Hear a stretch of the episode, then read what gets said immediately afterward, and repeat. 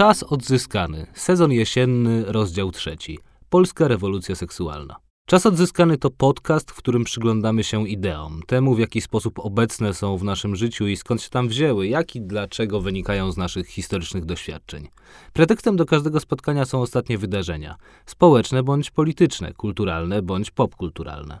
W tym odcinku wydarzenie to Tyłem do kierunku jazdy, nowa powieść Sylwii Hutnik, której temat to rewolucja seksualna w naszej ojczyźnie, a właściwie dwie jej fale, reprezentowane przez babcię i wnuczkę. Babcia w 1955 roku, kiedy miała 20 lat, brała udział w wydarzeniu, które dziś wydaje się trochę zapomniane, a nie powinno takie być, gdyż to wtedy PRL-owska seksualność pierwszy raz wybuchła z tak wielką mocą.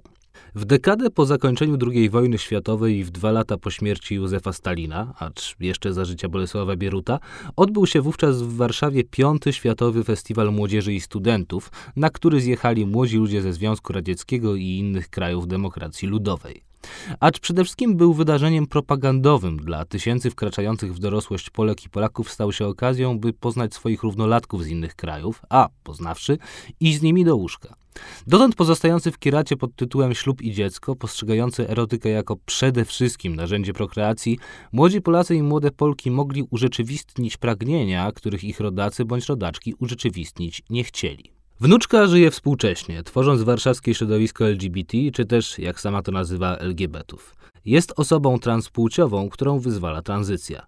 Wiedząc, że społeczeństwo, a przynajmniej jego większość, nie spogląda na nią nazbyt życzliwie, tworzy sobie w nim własną niszę, w której może żyć jak chce. W której, by sparafrazować tytuł innej książki o współczesnym polskim seksie, jej życie jest jej, pewnego rodzaju rodzinę z wyboru. I choć łatwo jest te dwie rewolucje seksualne w naszym kraju postawić obok siebie, rok 55 obok roku 2020, tęczowej nocy na krakowskim przedmieściu i protestów po wyroku Trybunału Julii Przyłębskiej w sprawie aborcji i, postawiwszy, stwierdzić, że między nimi albo nawet przed nimi nic nie było, nie będzie to do końca prawda. Więc co było? Cytuję. Seks w przedwojennej w Warszawie czy Krakowie był wszędzie, pisze historyk Kamil Janicki w pracy Epoka hipokryzji, seks i erotyka w przedwojennej Polsce. Małżeńskie wielokąty, orgie, stosunek na ławce w parku i w wagonie pociągu. Do tego postulaty zupełnego zniesienia monogami i tradycyjnej instytucji małżeństwa, ale też poważnego potraktowania potrzeb i oczekiwań kobiet, postęp w skrajnej formie. Koniec cytatu. Ten postęp i te postulaty napotykały wszakże na opór konserwatyzmu dużej części polskiego mieszczaństwa, najlepiej bodaj wyrażonego przez Tadeusza Bojarzeleńskiego w liście otwartym kobiety polskiej. Cytuję. Sto lat w lirycznej niewoli jęczymy, u nóg koturny, czoło w świętej aureoli, na głowie popiołów urny, spojrzenie czyste a tkliwe, na pierściach cnoty puklerze. Sto lat czekamy cierpliwie, kto nas z tych strojów rozbierze. Koniec cytatu. Jak podsumowuje Ewa Wanat w świeżo wydanej książce pod tytułem Pieprzyć wstyd historia rewolucji seksualnej, może oświecona wielkomiejska część społeczeństwa była gotowa na pierwszą fazę rewolucji, a właściwie już ją przeprowadzała, ale władza i większość Polaków na pewno nie. Czy lata Polski Ludowej, nie tylko wspomniany wyżej festiwal, ale w ogóle nowy sposób urządzenia społeczeństwa coś zmienił? Z jednej strony tak, z jednej strony nie. Dlaczego nie? Na przykład dlatego, że gdy w świecie umownego zachodu rewolucja seksualna okazywała się pasem transmisyjnym buntu młodych ludzi w roku 1968, u nas trwał zupełnie inny bunt o wyraźnie politycznym charakterze. Na przykład dlatego, że gdy w świecie umownego zachodu seks, opowiadany jak najbardziej wprost, stał się permanentnym elementem muzyki i filmów, u nas, acz również jako tematu go dotykano, robiono to ostrożnie, a najodważniejszym kobiecym wołaniem o orgazm była piosenka Izabeli Trojanowskiej Wszystko, czego dziś chcę. Na przykład dlatego, że gdy na umownym zachodzie produkowano pornografię, i nie przesądzam tu o jej pozytywnym bądź negatywnym charakterze, do nas się ją pokątnie sprowadzało. Starczy przypomnieć o kasetach VHS z niemieckimi filmami bądź szmuglowanych przez granicę playboyach. Dlaczego zaś tak? Bo nie było przecież zupełnie jak w Związku Radzieckim, gdzie utarło się przekonanie, iż w sowieckim Sojuzie seksa niet. Po pierwsze, życie elit artystycznych, dziennikarskich czy politycznych było intensywnie zerotyzowane. Może i nie było u nas wydawanego wzmiankowanego playboya, ale Janusz Głowacki mógł doczekać się miana pierwszego playboya Polski Ludowej. Po drugie, pojawiały się nieśmiałe próby uświadomienia Polaków w dziedzinie tego, co dzieje się pod kołdrą w samochodzie albo na blacie w kuchni. Jak pisze Ewa Wanat w cytowanej już książce, wyszła sztuka kochania Michaliny Wisłockiej, jak gdzieniegdzie w szkołach, w ramach przysposobienia do życia w rodzinie odbywały się prawdziwe lekcje edukacji seksualnej. Ta kontrolowana swoboda pojawiła się w epoce Gierka, który próbował Polskę nieco zbliżyć do Zachodu. Oczywiście w ówczesnych granicach rozsądku i głównie ze względu na kredyty, które tam zaciągał. Koniec Co jednak najistotniejsze, seks nie odgrywał do 1989 roku roli kontrkulturowej, jak na Zachodzie, ponieważ najmocniejszą instytucjonalnie kontrkulturą był u nas zwalczany przez państwo Kościół, rola rozsadnika społecznych instytucji przyznana została propagowanej przez ten ostatni właśnie etyce seksualnej unormowanej za pontyfikatu Jana Pawła II. A potem przyszedł przełom i trzydziestolecie wolnej Polski. Nasz rynek zalała zachodnia pornografia, jak grzyby pod deszczu wyrosły kluby ze striptizem i seks shopy. Erotyka w filmach i w telewizji stała się o wiele odważniejsza niż w seksmisji Juliusza Machulskiego. Co więcej, pojawiły się gazety, w których rady, jak mieć dobry seks, stały się obowiązkową rubryką. Seks został elementem polskiej codzienności.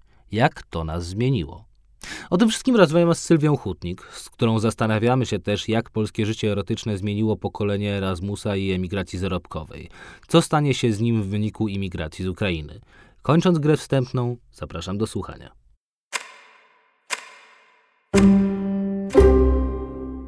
Sylwia Hutnik, pisarka, autorka powieści pod tytułem Tyłem do kierunku jazdy, jest moją gościnią. Dzień dobry. Dzień dobry. E, co się zdarzyło w Polsce w roku 1955? E, Oprócz tego, że urodził się mój ojciec wtedy. I rok przed urodzeniem mojej mamy. E, zdarzyło się wiele, ale dla mnie jako kulturoznawczyni szczególnie ciekawym był przełom lipca i sierpnia, 55 właśnie. To znaczy Piąty Światowy Festiwal Młodzieży i Studentów, który oczywiście był czymś w rodzaju, jak mówią badacze, karnawału stalinizmu, chociaż Stalina już nie było ciałem, to duchem jak najbardziej, a na pewno było jeszcze przed tak zwaną odwilżą 1956 roku. Trochę Wind of Change, jak mhm. śpiewało Scorpions, to znaczy gdzieś w kościach czuło się ten rytm zmiany. E, oczywiście on e, też e, multiplikował nadzieje, marzenia, że oto teraz będzie zupełnie inaczej. E, ale też e, to była dekada po zakończeniu II wojny światowej, więc mhm. myślę też, że w tych kościach e, przede wszystkim było czuć zmęczenie. I stąd festiwal jako taki, no właśnie, karnawał, czyli zamianę ról, w takim rozumieniu też bardzo bachtinowskim, mhm. tak? E, takiego wyłomu z tej codzienności, że ten festiwal no, gdzieś e, podbił marzenia, a z drugiej strony był takim po prostu wentylem zabawy. A to nie był taki moment polskiej rewolucji seksualnej? To znaczy, że wiesz, że zjeżdża do Polski no, od cholery i trochę ludzi z powiedziałbym, egzotycznych stron tego świata, mm -hmm. tak? E, to znaczy takich, jakich w Polsce nie widziano.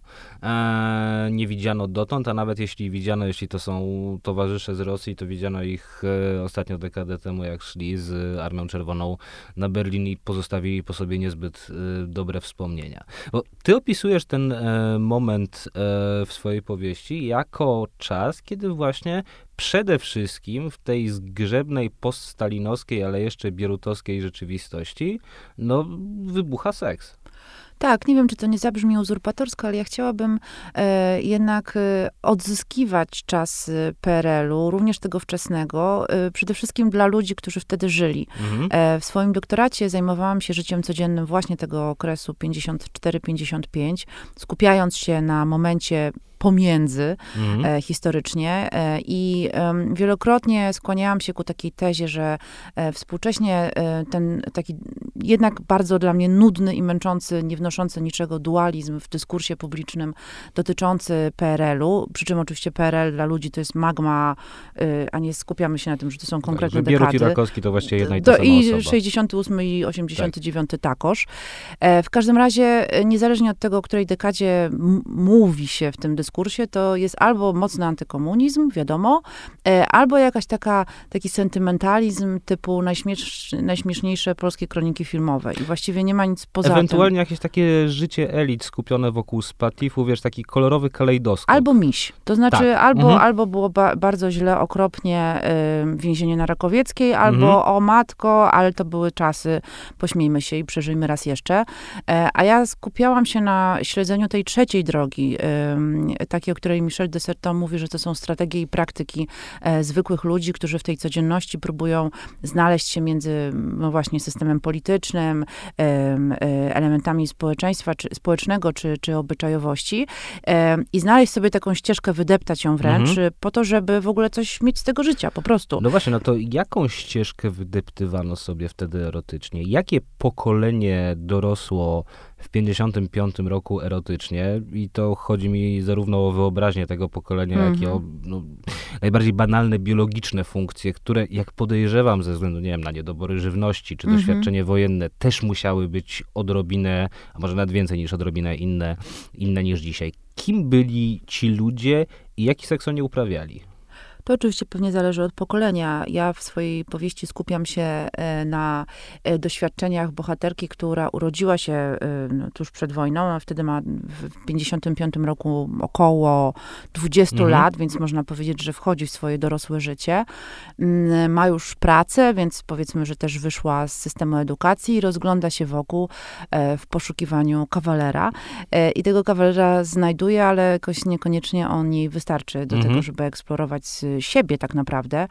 E, więc z tej perspektywy mogę powiedzieć, y, zresztą też w, we wcześniej wspomnianym przez nas festiwalu e, brały udział różne osoby w różnym wieku, ale rzeczywiście te e, zdjęcia, które mamy do dyspozycji, ale też wcześniej wspomniane przeze mnie polskie kroniki filmowe, e, no jednak pokazują młodość, to idzie Mhm. młodość, e, przyszłość narodów e, i rozumiem, że to oni najczęściej, najbardziej aktywnie uczestniczyli w tych wszystkich e, mm, atrakcjach, które zostały przygotowane. E, no i cóż, no, e, to była komunikacja niewerbalna, umówmy się. Mhm. Przyjechało mnóstwo ludzi z całego świata. Warszawa i okolice pękały w szwach i to dosłownie, bo nie było odpowiedniej infrastruktury, żeby zmieścić tych wszystkich ludzi, a jednak to się działo.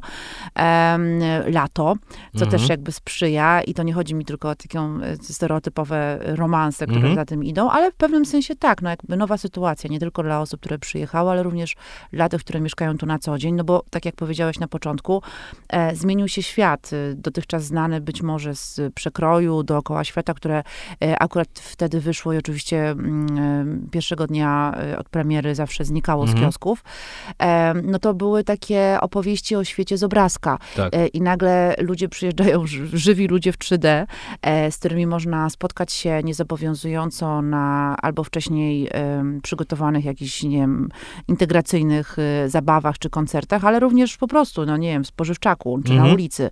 No i można ich dotknąć, e, można ich poczuć, można ich zobaczyć, e, jak się ubierają dziewczyny, e, jak faceci są zbudowani, jak to jest, kiedy jest zupełnie inny kolor skóry niż nasz. No to wszystko jest taka, taka lekcja, która, która zresztą odbywała się potem przez wiele lat. Pamiętam zdjęcie z początku lat 60. młodości mojego taty, który w przedszkolu ma takie zbiorowe, no wiesz, jak to w przedszkolach No zawsze tak. były te zdjęcia, E, z, oczywiście, tam przebrani.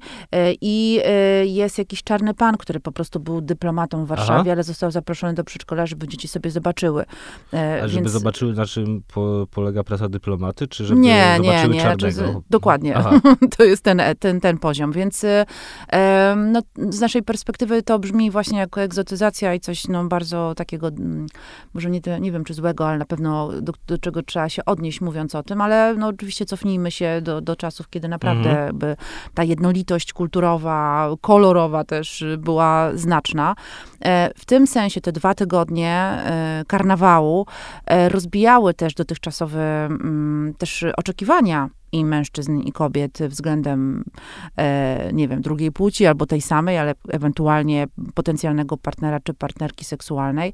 No i wiadomo, jak to jest. Wtedy po prostu e, no wszystko jest zupełnie wywrócone na drugą stronę, w związku z tym też więcej można.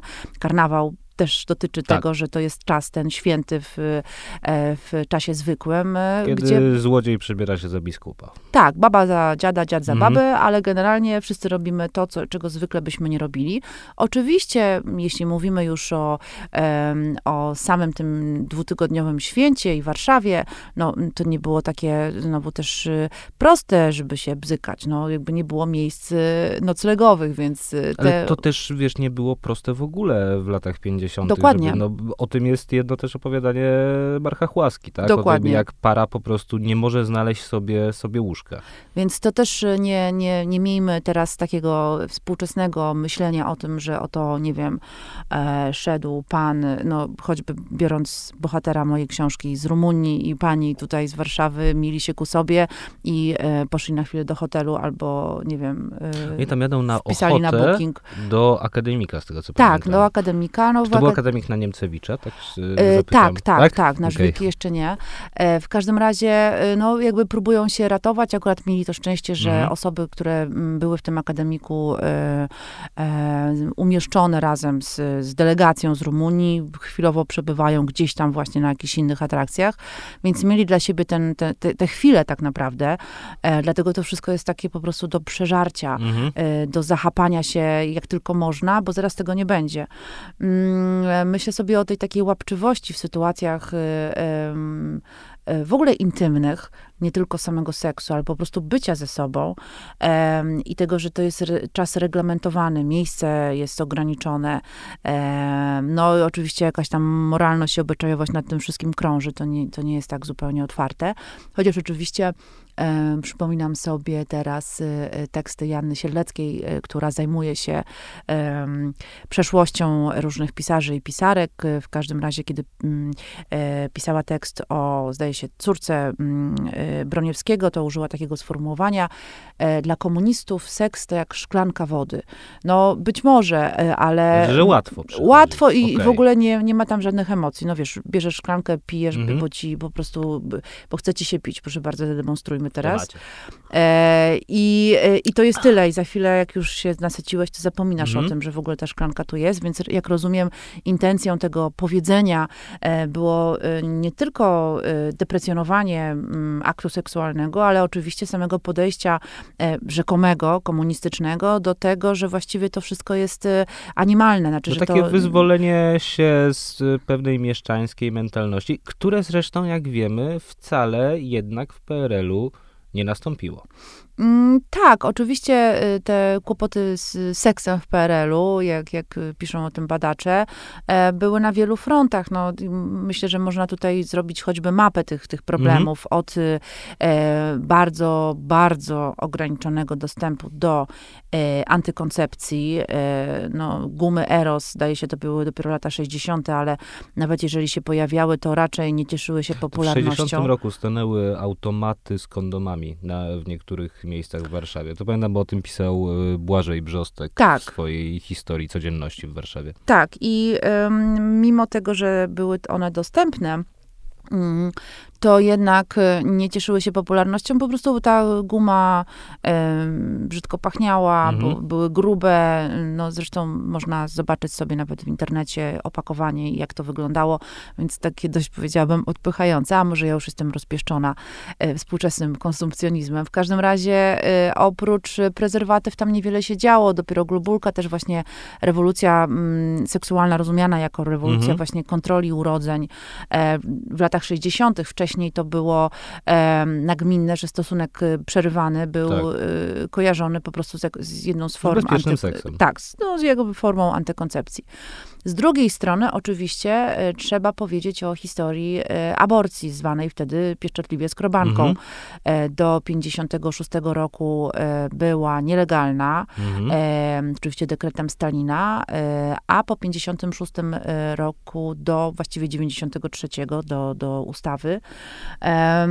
Była legalna, była oczywiście tam z trzech powodów, ale między innymi oczywiście zagrożenia ciąży, zagrożenia, zagrożenia życia kobiety, jeżeli pochodziła z czynu zakazanego, ale też ze względów ekonomicznych, na złe mhm. warunki. Przy czym to skierowanie na aborcję można było dostać bardzo łatwo. Nikt nie sprawdzał mhm. tego, z którego punktu chcemy e, przerwać ciążę, więc, e, więc było to naprawdę, no właściwie z pokolenia mojej mamy, ale też mojej babci, E, no jakby, nie wiem, co która, co druga, co trzecia kobieta mhm. korzystały z tego.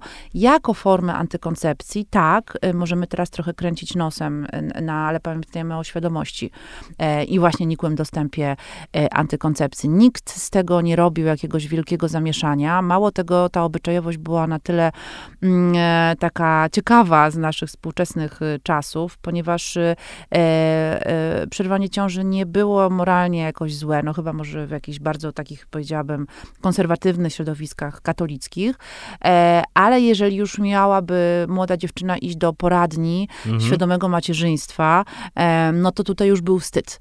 Tylko tutaj ci przerwę, bo mówisz o tym, że no pojawiła się globulka antykoncepcyjna i to jest coś, co na zachodzie rozpoczyna rewolucję 68 roku, mm -hmm. a także rewolucję, mm, a może przede wszystkim rewolucję seksualną. W Polsce w 68 roku nie mamy rewolucji seksualnej. Też mamy bunt młodych ludzi, tylko że on jest diametralnie mm -hmm. inny, jak w ogóle w krajach bloku wschodniego ówczesnego ten bunt jest diametralnie inny, aniżeli w mm, Francji czy, czy w Stanach Zjednoczonych. I kiedy tak staram się sobie wymyślić, jaki byłby moment, kiedy jednak wydarzyła się polska rewolucja seksualna, taka na taką skalę, jak było to na zachodzie w 68, że wiesz, że wychodzi e, Daniel Cohn-Bendit i zaczyna gadać do ministra, dlaczego się pan nie, nie interesuje życiem płciowym młodzieży, no to tak idę dziesięciolecia w przód i w końcu przychodzi inne lato. To jest lato roku 2020, mm -hmm. a mhm. później jesień. Mm -hmm. Czy ty byś się zgodziła z tą tezą? Myślę, że e, tutaj czeka nas jeszcze chyba jakaś taka wiwisekcja y, tego tematu. Zacznę od początku. Y, w 68 rzeczywiście, przynajmniej ten oficjalny dyskurs zajmował się czymś innym, ale wiesz, może to jest po prostu cały czas, że nie wiosnę, a Polskę widzisz i że jednak y, cały czas trzeba mhm. jakoś odnosić się do, do polityki. To na pewno. No, ale wiesz, no, globulka antykoncepcyjna to jest coś innego niż dziady w Teatrze Narodowym. Tak umówmy się, że jest między jednym a drugim dosyć duża przestrzeń. No właśnie widzisz, gdyby, y, gdyby pokusić się o, nie zrobimy oczywiście tego, przypuszczam, przez, y, y, w czasie naszego odcinka, ale Aha. gdyby pokusić się właśnie o robienie jakichś takich, ale nie analogii na zasadzie porównawczym, tylko właśnie pójścia tym tropem, to być może ta rewolucja seksualna e, już się wydarzyła. No na pewno wydarzyła, wydarzała się przed mhm. wojną, tylko że trzeba, mówię to oczywiście o boju żeleńskim i Krzywickiej, poradni świadomego macierzyństwa, no potem może, może Wisłocka by jakoś to podchwyciła, e, umasowieniem tej wiedzy, może tak. w ten sposób, ale no, gdybyśmy mieli naprawdę porządnie zająć się tym tematem, no to zaraz bym zadała to pytanie, no dobra, ale czy mówimy o, e, nie wiem, inteligencji, czy mówimy o terenach wiejskich, e, czy mówimy o dostępie do wiedzy, czy mówimy o korzystaniu z tego. E, a, to ja ci mogę odpowiedzieć. No proszę Mówimy bardzo. o masowym wejściu pewnego tematu do dyskursu. No właśnie, ale masowym to takim, co wiesz, możesz iść do apteki i kupić, czy, nie, to znaczy, czy z pytaniem, kogo na to stać? Nie, nie, już ci mówię. Tak jak e, według mnie była polską rewolucją seksualną, był polską rewolucją seksualną rok 55, ponieważ wydarzył się karnawał i o tym karnawale potem opowiadano, to się przechowywało mm -hmm. jakoś w pamięci, mm -hmm. chociaż nie w oficjalnym dyskursie, bo w oficjalnym dyskursie o wiele ważniejszy był rok 56 i nie gazeta dookoła świata, tylko gazeta po prostu. Mm -hmm. e, tak jak we Francji i w Stanach w 68 nagle też coś wybuchło i mhm. było to takie bardzo, no że zapytasz Joe z Alabamy i nie wiem, Margaret z Alaski, to będą wiedzieć, co się wtedy zdarzyło mm -hmm. i już wtedy wiedzieli, co się zdarzyło. Tak, mam wrażenie, że Takiego wybuchu w Polsce nie było do 2020 roku i po pierwsze do wakacji w 2020, czyli e, wejścia zupełnie jakby znikąd w centrum dyskursu w Polsce osób niebinarnych. Tego tematu wcześniej nie mm -hmm. było. Mhm. To się pojawiło tak, nie wtedy. Było świadomości a słownika. potem e, jesieni i protestów przeciwko wyrokowi Trybunału pani Przyłębskiej. Chodzi mi o taki, wiesz, moment, że Mhm. nie, że coś powoli latami się kształtuje, coś się zmienia Tylko i... łubudu. Oczywiście y, y, ja mam to szczęście śledzić y, y, to, co dzieje się wokół ustawy, właściwie praktycznie od 93 roku e, i protestów Mhm. y, grup feministycznych, kobiecych w związku z tym, ale w ogóle kształtami ustawy antyaborcyjnej w Polsce i rzeczywiście Trudno, żeby wcześniej znaleźć jakikolwiek przykład tak masowego mówienia wprost o y, przerywaniu Mhm. ciąży, o tym, jak to możesz robić. Y, W tym roku, kilka miesięcy temu, Natalia Broniarczyk e, z aborcyjnego Dream Teamu e, na mównicy sejmowej wyjęła e, tabletki e, Mhm. e, i, i pokazywała je, mówiąc dokładnie, jak je przyjmować, żeby przerwać ciążę. No nie było tego nigdy wcześniej. To, jest, to są te kolejne kroki. Mhm. Ale oczywiście, jak rozumiem, em, chodzi ci głównie o e, protesty e, strajku kobiet, Chodzi a to, wcześniej one zrobiły w czarne. głowach. Mm, Na pewno dużo. Widzę to y, i słyszę, rozmawiając y, z bardzo różnymi osobami. Dużo jeżdżę po Polsce, mam spotkania autorskie, ale też y, uczestniczę w różnych dyskusjach. Mam do czynienia więc y, i z pokoleniem no, osób w wieku moich babć, e, które już nieco bardziej e, mm, otwarcie rozmawiają o kwestiach e, w ogóle praw kobiet, Mhm. szeroko pojętych. Tego jeszcze nie było, nie wiem, 10 lat temu.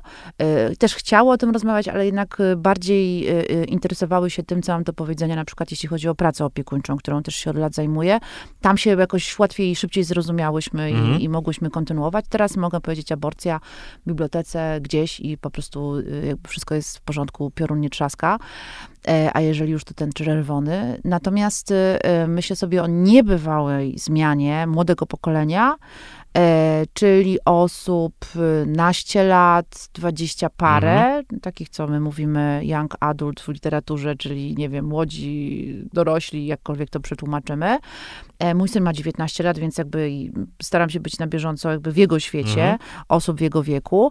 I myślę sobie, że to jest niebywała rewolucja. Gdybym e, ja, chodząc na demonstrację, nie wiem, tam od 14 roku życia, miała taki po prostu boom e, w tamtym czasie, to myślę, że by mnie to zmieniło diametralnie, mimo tego, że jakby zajmuję się tym tematem od lat. Zmierzam do tego, że młode pokolenie, z tego co ja obserwuję, jakby z perspektywy 40-paroletniej, jednak już dziadersuwy, e, pewne rzeczy ma już załatwione. My, Na się jednak, my się jednak dygamy. E, dotyczy to, zaczęliśmy od, od kwestii seksualnych, ale, ale y, dotyczy to na przykład y, e, molestowania seksualnego i przemocy na, na Mhm. tym tle. Em, kiedy obserwuję różnego rodzaju mm, e, wersje mitu polskie, e, to słyszę i czytam e, młode dziewczyny, właśnie naście lat, dwadzieścia parę, młodsze ode mnie o, jedno pokolenie, które w ogóle już nie mają siły, nie chcą i uważają, że to jest absolutnie bez sensu. Tłumaczenie tego, tłumaczenie się, e, czekanie, e, aż coś się z tym dzie- zadzieje, na przykład prawnie, e, powtarzanie sobie, co jeszcze moje pokolenie robi często, no tak, no, no on tak ma, no po prostu klepie w tyłek. Dla nich nie ma już takich mm, e, prób y, wytłumaczenia, Mhm. czy, czy prób y, y, przykrycia pewnych rzeczy, e, albo, y, nie wiem, roztrząsania. Jest tak i tak, po prostu nie ma mowy, koleś idzie, nie wiem, idziemy z nim do prokuratury, albo idzie e, do więzienia nara. Po prostu nie ma tutaj żadnego, wiesz, to, to się Mhm. dzieje bardzo szybko. A jak by wyglądała opowieść o właśnie wolności seksualnej w PRL-u i też w trzeciej RP w wydaniu męskim? Bo ty się skupiasz na kobietach. Tak. I nie chodzi mi o wydanie męskie takie, jakie jest we wszystkich książkach o życiu elit w PRL-u, że poczytasz sobie, co robił, nie wiem, Roman Polański, co Ireneusz Iredyński, co robił Jerzy Andrzejewski No tak ostatnio dalej, tak dalej. książka o Spatifie też doskonale Tak, pokazuje eee, meandry. To, to znaczy właśnie, nie chodzi mi o taki kolorowy kalejdoskop, na podstawie którego był serial Osiecka na przykład, że tam Mhm. było po prostu anegdota goni anegdotę i w ogóle, i w ogóle fajnie, zobaczmy jak sobie Co robili sławni ludzie.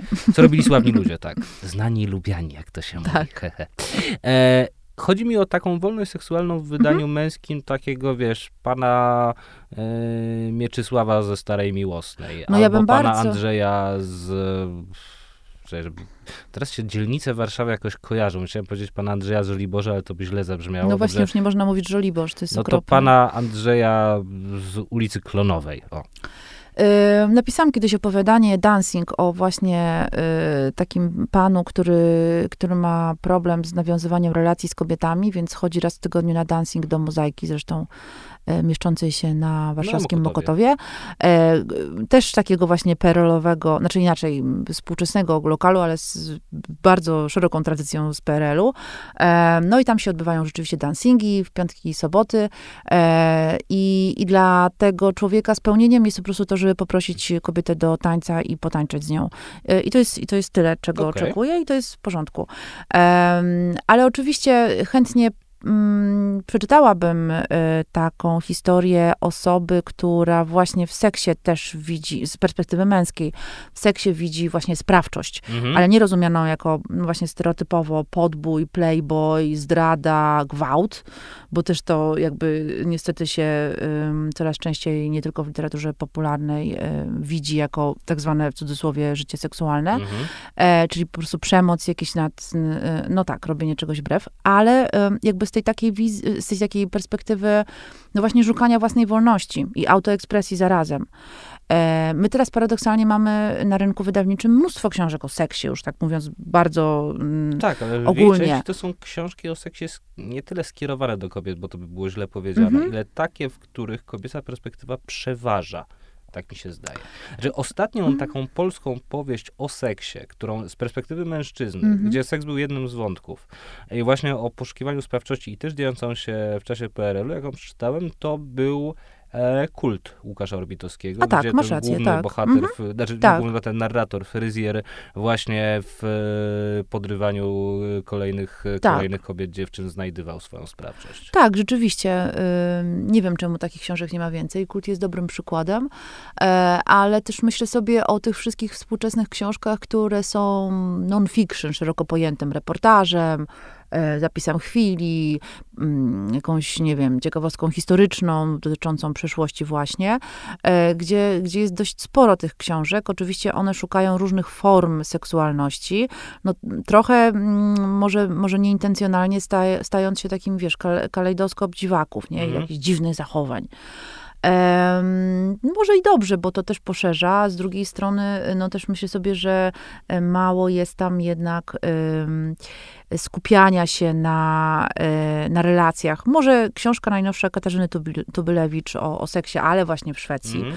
więc jakby trochę przychodzimy z y, polskich granic, e, właśnie pokazuje różne relacje między ludźmi, ale z drugiej strony też skupia się mocno na relacjach tych przede wszystkim, e, nie wiem, mentalnych, uczuciowych, emocjonalnych. Em, I, I być może taka książka o, o polskich zachowaniach, że tak powiem, e, seksualnych i erotycznych by się przydała. A jeżeli chodzi o powieść, no to już wiele osób mm, dyskutowało o tym, że, że jednak w polskich powieściach y, sam język dotyczący seksu, y, sposób opisywania scen seksu. em, Ale język to jest w ogóle problem braku seksualnej polszczyzny. No to właśnie, może to, może to w ogóle jest. Znaczy, Mhm. wiesz, przejdźmy teraz do początku, jak Mhm. o tym wszystkim mówić i, e, i jak pisać. No, dla mnie też e, ciekawe było to, że ja w poprzednich książkach właściwie nie pisałam w ogóle o seksie. Mhm. Y, I uświadomiła mi to jedna z pań, kiedyś prowadząca ze mną spotkanie. I wiesz, to jest ten moment, kiedy myślisz sobie, o kurczę, rzeczywiście, wiesz, czegoś zapomniałam. Co to było, co to było? O kurde, seks. A to już wiesz, tam ileś książek dalej, też opowiadań, w sensie różnych jakby historii, tak, które, No, no. które przedstawiam. I zastanawiałam się, Boże, co się dzieje? Najpierw się zanalizowałam, potem myślałam, Boże, może ja rzeczywiście nie umiem o tym pisać, ale w tym sensie, że nie mam narzędzi, czyli no, Mhm. w naszym przypadku języka. Em, I coś w tym pewnie było. No, ym, y, wszyscy wiemy, jak, jak kuriozalnie niektóre opisy seksu brzmią nie tylko z polskiej literatury, ale również tłumaczone. E, I że możemy zapaść się pod ziemię, chociaż najwyraźniej 50 twarzy Greya czy 365 dni nikomu to w ogóle nie wadzi, bo chodzi o flow. Nie, tam chodzi o momenty. No i chodzi o momenty, nieważne jak są opisane, ale tu wyobraźnia pracuje, więc może się nie znam, ale wydaje mi się, że jednak język, którego się używa, jest tutaj bardzo ważny. No, i, no i stąd też jakby seks w tej książce, znaczy na zasadzie zasadzie tak, a, nie, nie było? Proszę bardzo, już jest. E, też, żeby trochę z siebie zakpić tutaj. Natomiast e, tak, no, nadal myślę sobie o tej takiej wolności w tym, e, w tym rozumieniu, e, czyli moich bohaterek, jako też wolności od strachu. No, mówiliśmy już tu o e, bohaterce postaci e, babci i, i postaci Magdy, no ale jest jeszcze pomiędzy nimi, że tak pokoleniowo powiem. Postać matki, która postać, jest zupełnie. Tak, postać Krystyny, która jest, no, co tu dużo ukrywać, typową osobą, która E, która jest podszyta strachem i to ale lęk. też jest taką herod-babą, która męża trzyma zupełnie. Tak, tak, nie no, ale no umówmy się, babcia też jest taka. Mhm. Znaczy my się zachwycamy babcią, bo ona ma charyzmę, e, temperament i jest w ogóle szacha wiracha, hej do przodu, ale gdyby tak zanalizować jej życie, no to nie to, że zdradza męża, to jeszcze po prostu jakoś w ogóle go tam trzyma no tak. na dziesiątym planie.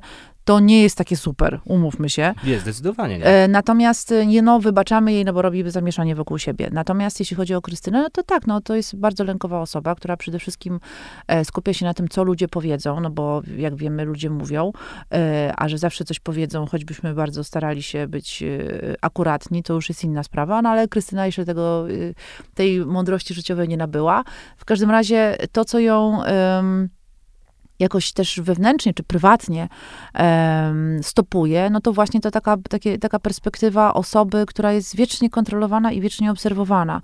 E, co też nie jest prawdą, no bo mówmy się, któż by chciał obserwować życie Krystyny. No, to nie jest jakieś super ekscytujące, no ale jej się wydaje, że właśnie jest pod tym obstrzałem, a w związku z tym relacje też z innymi osobami, w tym najbliższymi, jak e, z córką czy matką, e, czy mężem, e, no są takie, jakie są, no bo, e, bo to właśnie strach dyktuje tu warunki w relacjach e, e, rodzinnych. I oczywiście już przechodząc do tematu seksu czy, czy erotyzmu, tam również jest po prostu strasznie na, na, nawalone i, mhm. i nam nic się nie może wy, zdarzyć, bo po prostu mm, no, jest ten nieustający strach. A czy jest coś jeszcze? Bo jest taka jedna teza, którą e, nie wiem, czy być może niezależnie od siebie, bo na pewno w, od dystansie dwóch dekad prawie, że e, wyrazili najpierw Jerzy Pilcha, potem Dorota Masłowska. A to jest teza o tym, że polskie kobiety są do polskich mężczyzn niedopasowane i na odwrót polscy mężczyźni są niedopasowani do polskich kobiet. To znaczy, że to są dwa zupełnie różne byty z zupełnie różnych e, światów, porządków ideowych, stylów życia itd., tak itd. Tak jest e, oczywiście, ten temat się robi coraz głośniejszy przez rozmaite badania o tym, jak to mm, młode Polki mają raczej poglądy liberalne Właśnie chciałam powiedzieć, że tu wchodzą socjolodzy tak. cali na biało i mówią, a prawda, prawda, mamy tu badania. Tylko, że oni to mówią o dzisiejszym świecie. Jak mhm. to niedopasowanie wyglądało no, przez cały okres Polski Ludowej i, i w trzeciej RP. Bo jeszcze jedna rzecz mi się przypomina.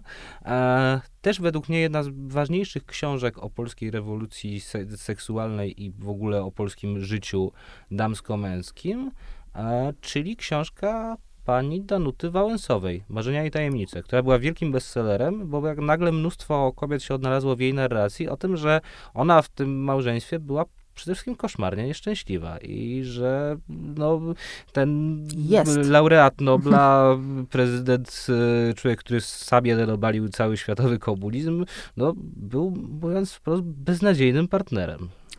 Zacznę od, od y, pani Danuty. Y, przypomniało mi się od razu, y, że kiedy wyszła ta książka, byłam zachwycona. Uważałam, że to jest jakaś wielka rewolucyjna, po prostu e, rewolucyjny głos, bo wiedziałam, że będzie to czytane i masowo kupywane.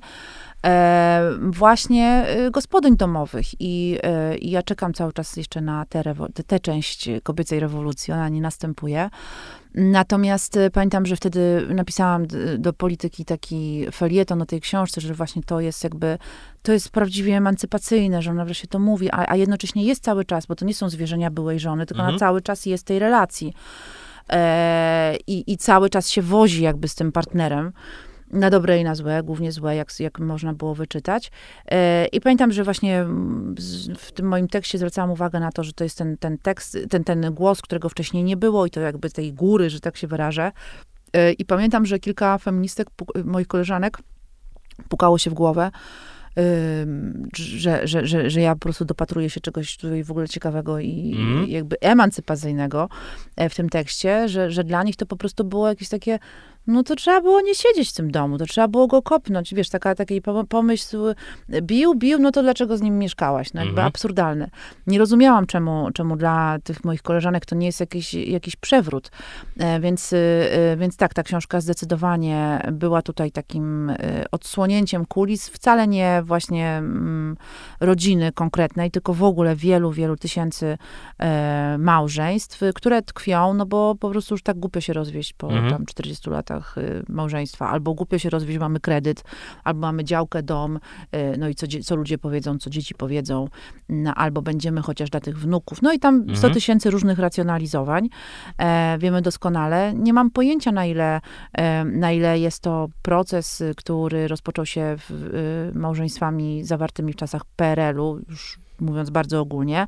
No pewnie mm, mogłabym tutaj też y, mm, jako jeden z takich, jedną z takich odpowiedzi powiedzieć y, o, e, o tym pokoleniu powojennym, No. po, porozwalanym we wszystkie strony, e, które nie to, że nie potrafiło znaleźć osoby, z którą by było szczęśliwe, to po prostu w ogóle siebie nie potrafiło odnaleźć.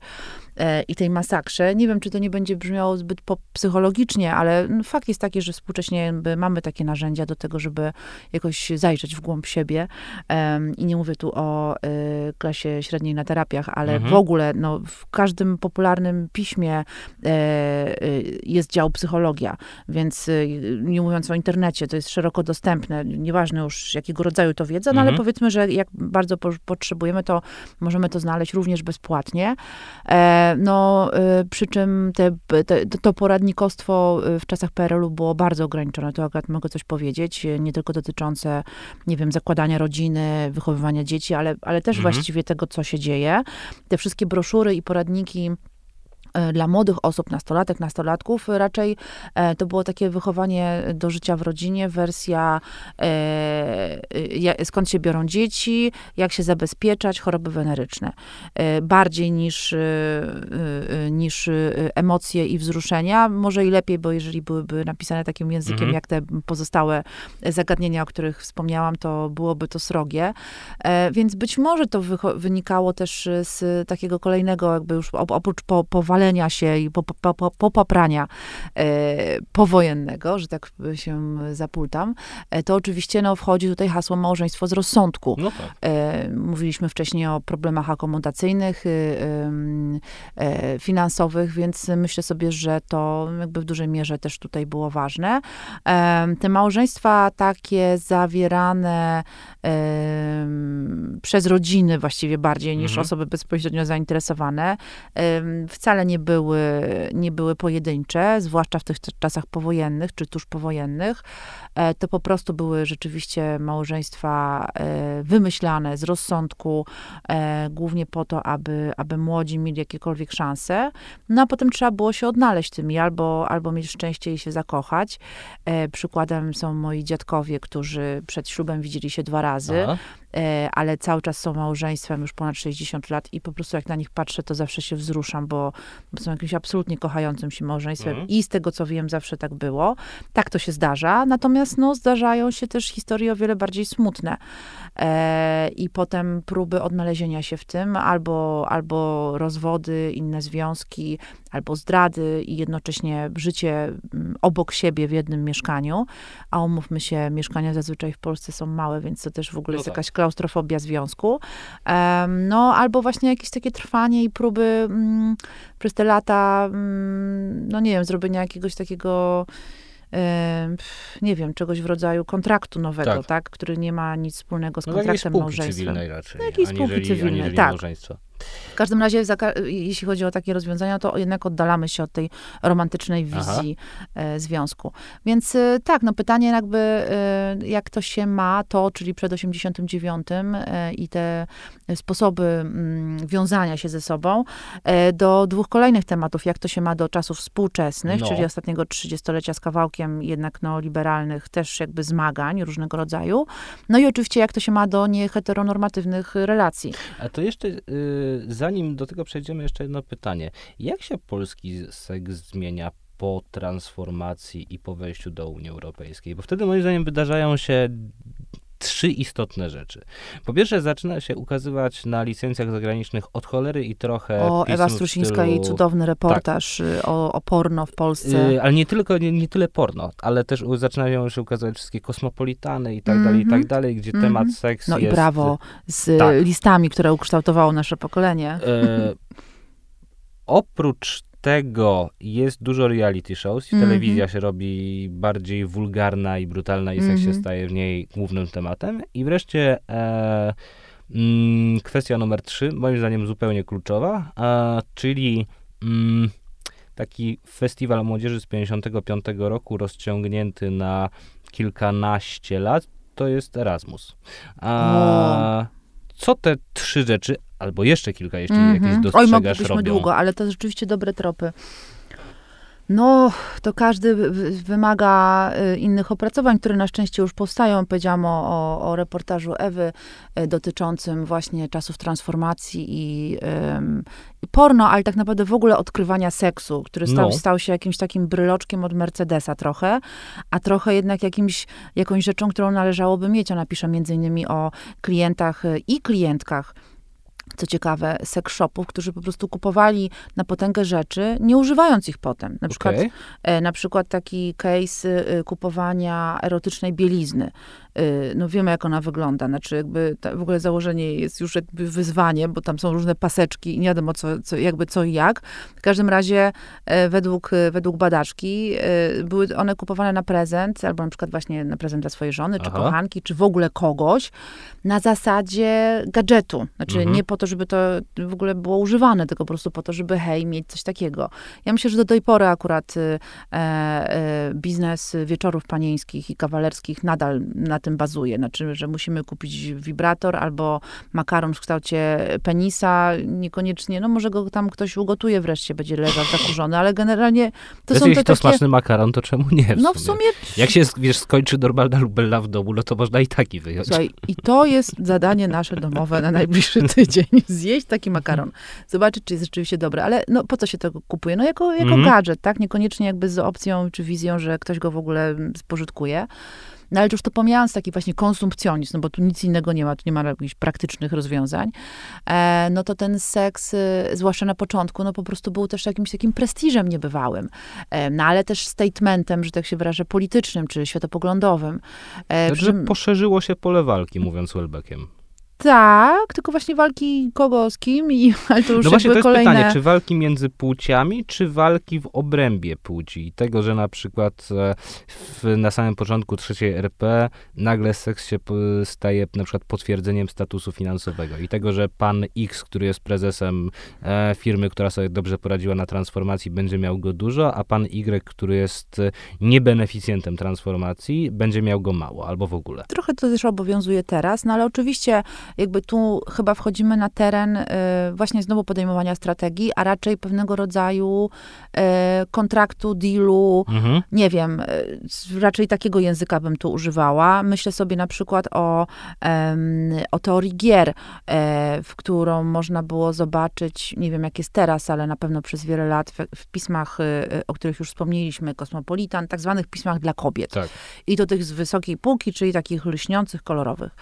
E, tam łapanie faceta, czy męża, czy w ogóle potem jakby bycie w relacji, to było nieustające, y, w co grają ludzie. To znaczy, zrób to, to i to, a on wtedy zrobi to i tamto. Znaczy, to jest jasny podział i scenariusz, tylko wystarczy, że będziesz jakby wiedziała te, te proste, 10 mm. prostych trików, żeby y, złapać faceta, z, y, utrzymać go, Ale nie wiem. Na jakiej zasadzie była to instrukcja? Czy to Dla była... przykładu. No, no, Ale przepraszam, że, że, że tak sprowadzę do najbardziej wulgarnej formy, że zrób mu laskę, to on cię zabierze na fajne wakacje? Coś w tym stylu. Aha, przy czym nie myślałem, że to bardziej wyrafinowane było, ja to yy, wulgarniam. No, cóż ci mogę powiedzieć, tak. Chociaż oczywiście, ty powiedziałeś to jakby prostym językiem, tam pewnie w dużej mierze dokładnie na, o, o to chodziło, ale były też takie, powiedziałabym, porady nie wiem jak, związane z dniem codziennym. Na przykład y, e, nie zawsze stawiaj na swoim. To, że wiesz, gdzie jechać, e, nie oznacza, że masz od razu mówić. Daj mu czas, żeby on też, to takie trochę, wiesz, y, tra- traktowanie specjalnej troski, No tak? tak. Że e, musisz wiedzieć o tym, że mężczyzna ma swoje ego i on nie lubi tego, tego, tego. Mhm. O co chodzi w domyśle tych 10 zasad, na przykład, żeby osiągnąć orgazm, 10 zasad, żeby on ci się oświadczył i 10 zasad, e, żeby weekendowy wyjazd przebiegł bez y, kłótni.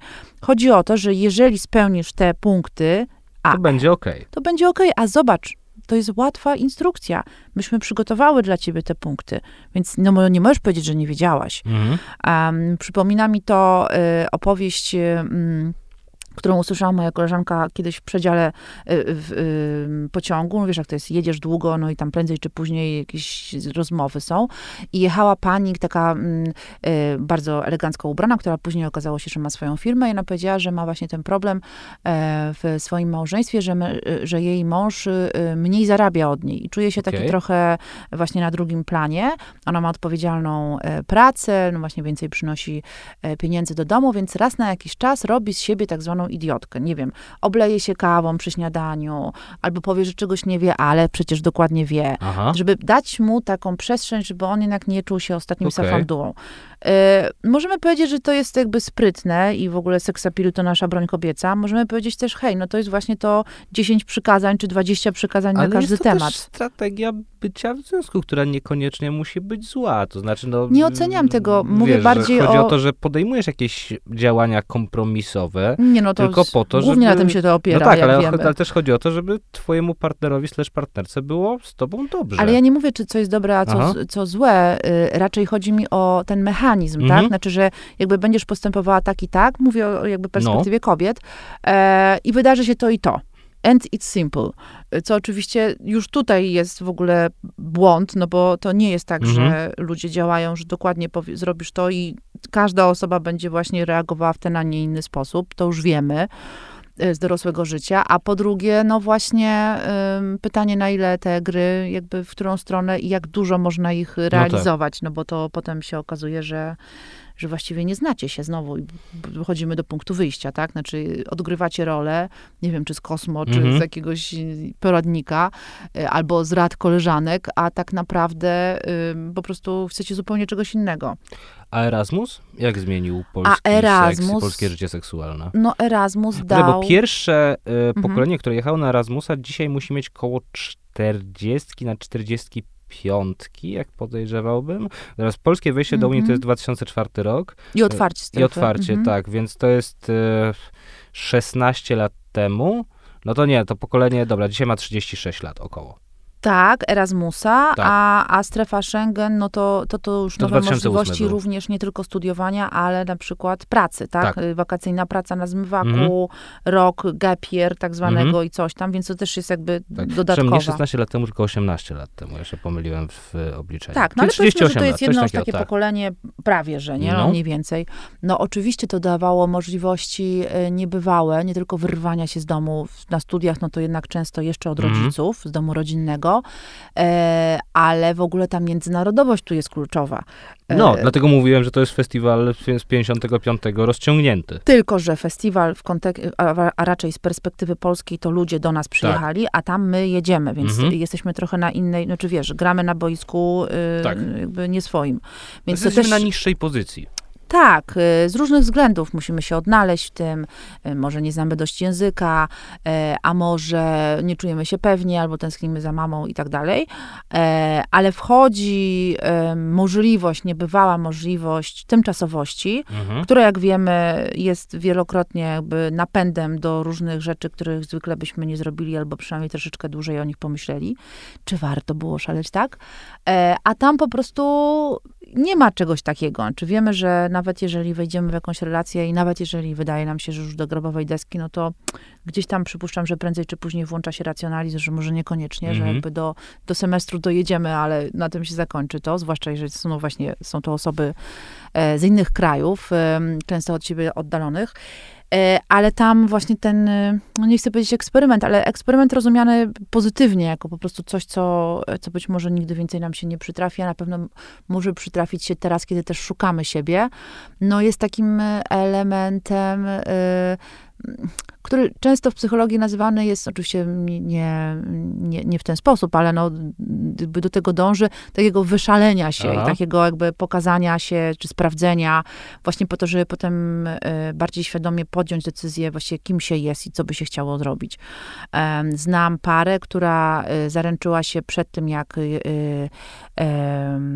dziewczyna pojechała na Erasmusa i w czasie Erasmusa, zdaje się tam, nie miała jakichś romansów, ale to był ten czas, kiedy ona sobie e, chciała e, przemyśleć to, mhm. czy jest w stanie żyć bez niego, co to znaczy w ogóle by, bez, bez swojego chłopaka. Finalnie wzięli ślub, więc happy end. Natomiast jakby dla niej Erasmus był nie tylko po to, żeby mieć, nie wiem, nowe doświadczenia mhm. w relacjach, czy, czy seksualne, e, ale też po to, żeby właściwie zobaczyć, jak ona w ogóle funkcjonuje w innym świecie, a może ona się wyprowadzi do tej Holandii. Mm, e, zwłaszcza, że mówimy tu o osobach młodych, tak? No tak. Jeżeli chodzi o Erasmus, no bo z pracą to wiemy, jakby już to tutaj bardzo nie było tych, e, tych ograniczeń wiekowych, więc w tym sensie to też jest niebywała okazja, możliwość, e, in plus, jak rozumiem, na to, żeby siebie sprawdzić w bardzo różnych sytuacjach i pod różnym kątem. A nie masz wrażenia, że to była okazja głównie dla Polek, a nie dla Polaków? I Powiem ci dlaczego. Mm. Robię teraz e, research do powieści, której potrzebowałem sobie stworzyć narratora, który byłby takim normikiem, ale na granicy incelstwa. Mm-hmm. E, więc e, no, wiosną i latem tego roku czytałem strasznie dużo wykopu. E, znaczy, to jest zagłębienie się w zupełnie inny świat. To jest tak, i to, i to trzeba robić oczywiście, lecz jest bolesne. Jak... Tam historia pod tytułem Moja dziewczyna wyjechała na Erasmusa i przespała się z Burzyrem, bo tak to się tak, no oczywiście, tak.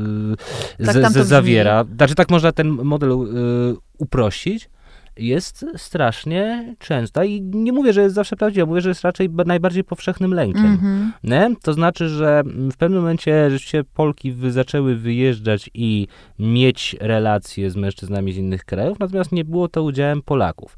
E, tak samo, jak nie wiem, jak była mm, To są, jak rozumiem, wcześniej... historie z ostatnich kilku lat. Tak, mm-hmm. tak. Albo jeszcze wcześniej, jak była, mm, już nie odnoszę się do tego wykopu, ale też do badań socjologicznych, jak była pierwsza emigracja zarobkowa do mhm. Irlandii i Wielkiej Brytanii, -hmm. to Polki tam m, mm, tworzyły e, związki, rodziny i tak dalej z miejscowymi mężczyznami, a nie Polacy z miejscowymi kobietami. Teraz być może, co też jest jakimś e, po, pojawie, przejawiającym się przewijającym się tematem, jest e, kwestia tego, że nagle jest temat czy Polacy będą tworzyli związki z Ukrainkami, które przyjeżdżają e, w wyniku wojny. To znaczy, że e, masz taki element, powiedziałbym, e, słabszej i mocniejszej płci, że jedzie słabsza płeć do kraju zachodniego, więc lepszego. Tam jest mężczyzna z tego kraju, który skoro jest Żakiem, a nie Janem, to będzie miał od razu jakiś punkt więcej. No i dlatego ten związek będzie, a Jan raczej się z żadną, nie wiem, Marie Claire e, tam nie zwiąże. Analogicznie przyjeżdża tutaj Swietłana i zwiąże mm-hmm. się z Henrykiem, dlatego że Henryk nie jest nie wiem, światopełkiem. Mm-hmm. E, natomiast jak przyjedzie światopełk, to raczej się nie zwiąże, e, nie wiem, z Barbarą. E, bardzo dużo par potworzyłeś, e, ale... Życzę im wszystkim wszystkiego dobrego. Oczywiście, na, na nowej drodze się. życia. Natomiast e, myślę sobie, wiesz co, o tym, co było przedtem, przed 89, no. czyli przed tymi naszymi Erasmusami i Schengen. Otóż było odwrotnie, to znaczy to mężczyźni głównie wyjeżdżali y, do pracy. Tak. Y, mówię o na przykład y, kierunku Stany Zjednoczone, a mówię o nim dlatego, że mój tata tam w 91 mhm. wylądował finalnie. E, natomiast przez lata grał e, w klubach polonijnych, e, był muzykiem. Jeszcze w latach 90., ale, ale też właśnie końcu 80., tym przełomie. E, I tam siedzieli e, na kontraktach e, faceci po prostu z całej Polski, z różnych rejonów. Oczywiście wiemy, że góry Chicago i tak dalej, mhm. każdy tam miał swoje, no ale generalnie wszystkie te domy polonijne wyglądały podobnie. No i scenariusz był, był też podobny. Znaczy, to jest kontraktorka głównie budowa i cała Mhm. reszta. 3-4 lata, czasem 5-6, jak ktoś się zasiedział, bo jak już mieli na dom, to stwierdzili, że a to jeszcze posiedź Heniek dwa lata, to będzie Mhm. na dom dla dzieci. Wiesz co, posiedź jeszcze rok, to, by to kupimy sobie większy samochód. I to była taka trochę też spirala niekończąca się. No i cóż oni tam robili? Oni mieli tam swoje tak zwane amerykańskie żony, które oczywiście były kobietami głównie z, y, z Polonii również. Okej. E, ale najczę- albo bo były to jakieś jednorazowe, albo, albo właśnie z, ze Słowenii, no jakby, gdzie ta bariera językowa była mniejsza niż na przykład z osobą z Ameryki. E, I to kobiety tutaj zostawały jakby całym tym Majdanem Mhm. i, e, i po prostu były zdradzane na potęgę. Znaczy to w ogóle nawet już nie były zdrady, bo tam to była druga relacja, druga żona, Mhm. że tak się wyrażę.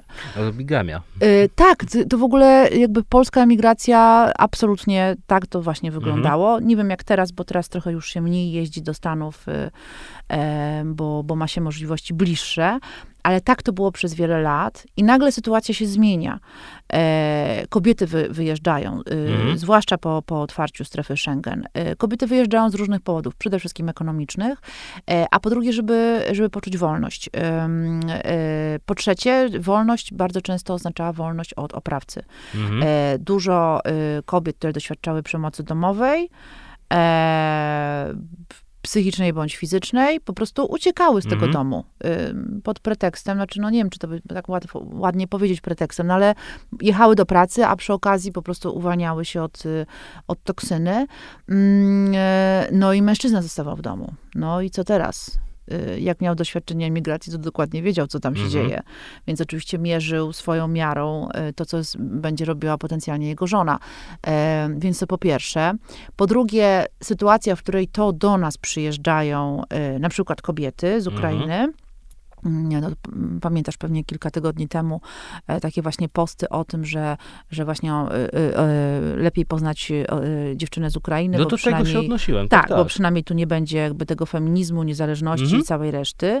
E, No i sprząta w domu dobrze, no bo jak wiemy, stereotyp sprzątaczki z Ukrainy trzyma się świetnie. Mhm.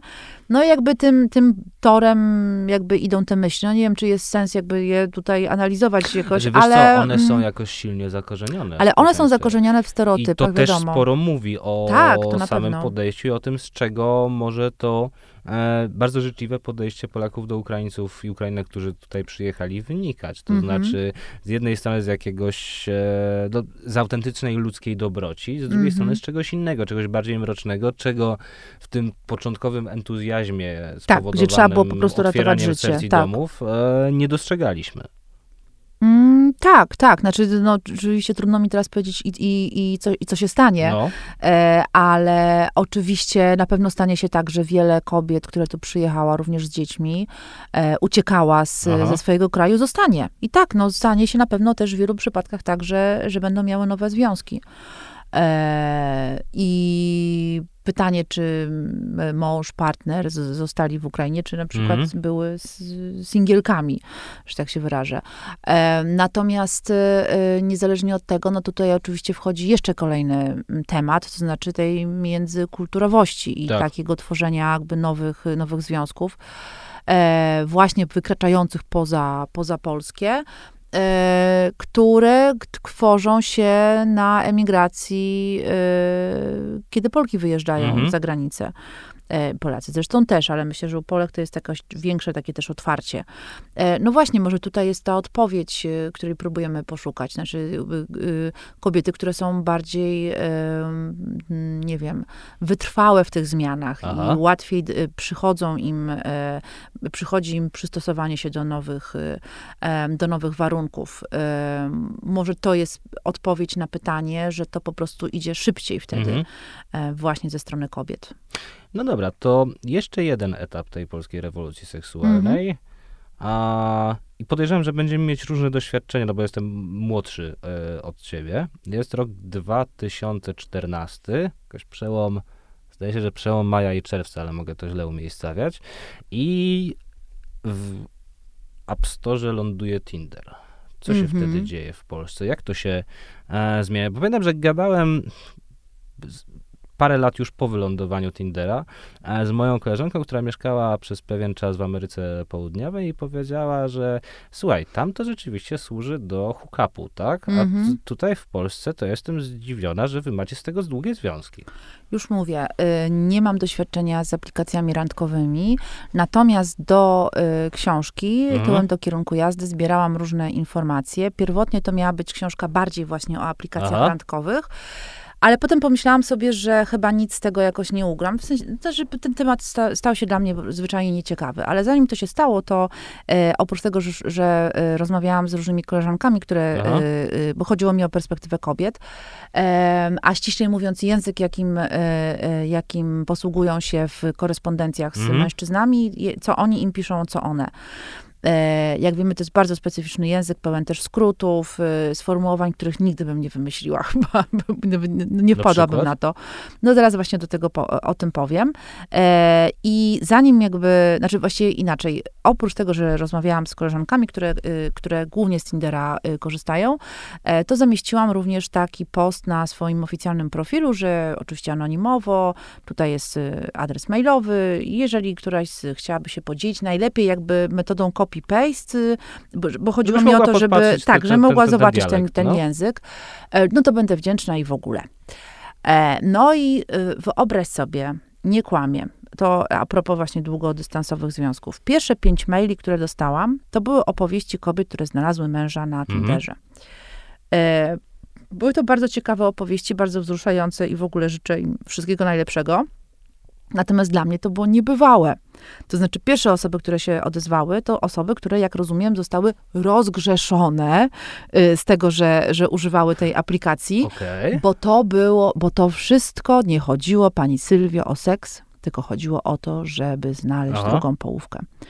No więc y, oczywiście, ym, a i jakby to, było, to był opis jakby całej historii, całego, ym, e, te, całej historii te, tego, co doprowadziło ich na tam ślubny kobierzec, e, ale absolutnie jakby nie było tam właściwie żadnej historii, która mogłaby być, mówiąc brzydko, interesująca, Aha. również w sferze jakby mm, e, korespondencji. Dopiero potem znalazłam koleżankę koleżanki, która była wobec mnie bardzo szczera, no i opowiadała, że ona na Tinderze szuka tylko seksu i Okej. absolutnie żadnych, znaczy super, jeżeli w ogóle kiedyś znajdzie kogoś na dłużej, ale generalnie jakby nie o to jej chodzi. E, I ona wysyłała mi próbki e, jakiejś korespondencji. E, wtedy jeszcze w tej aplikacji b- nie było takiego, takiej możliwości, że możesz sobie ograniczyć, że nie przysyłają ci zdjęć.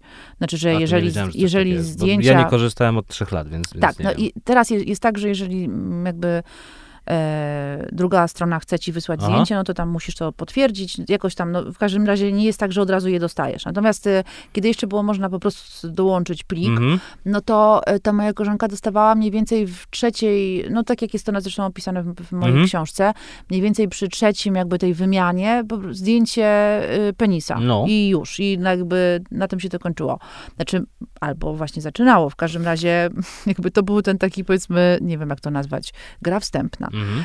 E, I to, co jest bardzo ciekawe, to nastawienie samych kobiet do tego, żeby, e, żeby korzystać z tych aplikacji, ale też jakby samą wiedza i to jakby jak my się widzimy i jak my chcemy, żeby widzieli nas inni, czyli to Mhm. w tym wypadku to, czy, o, czy, o co zapytałam się e, użytkowniczek y, mojego Facebooka, tak, że one od razu mówiły nie, nie, nie, nie, nie, nie, to Mhm. wszystko jest poślub.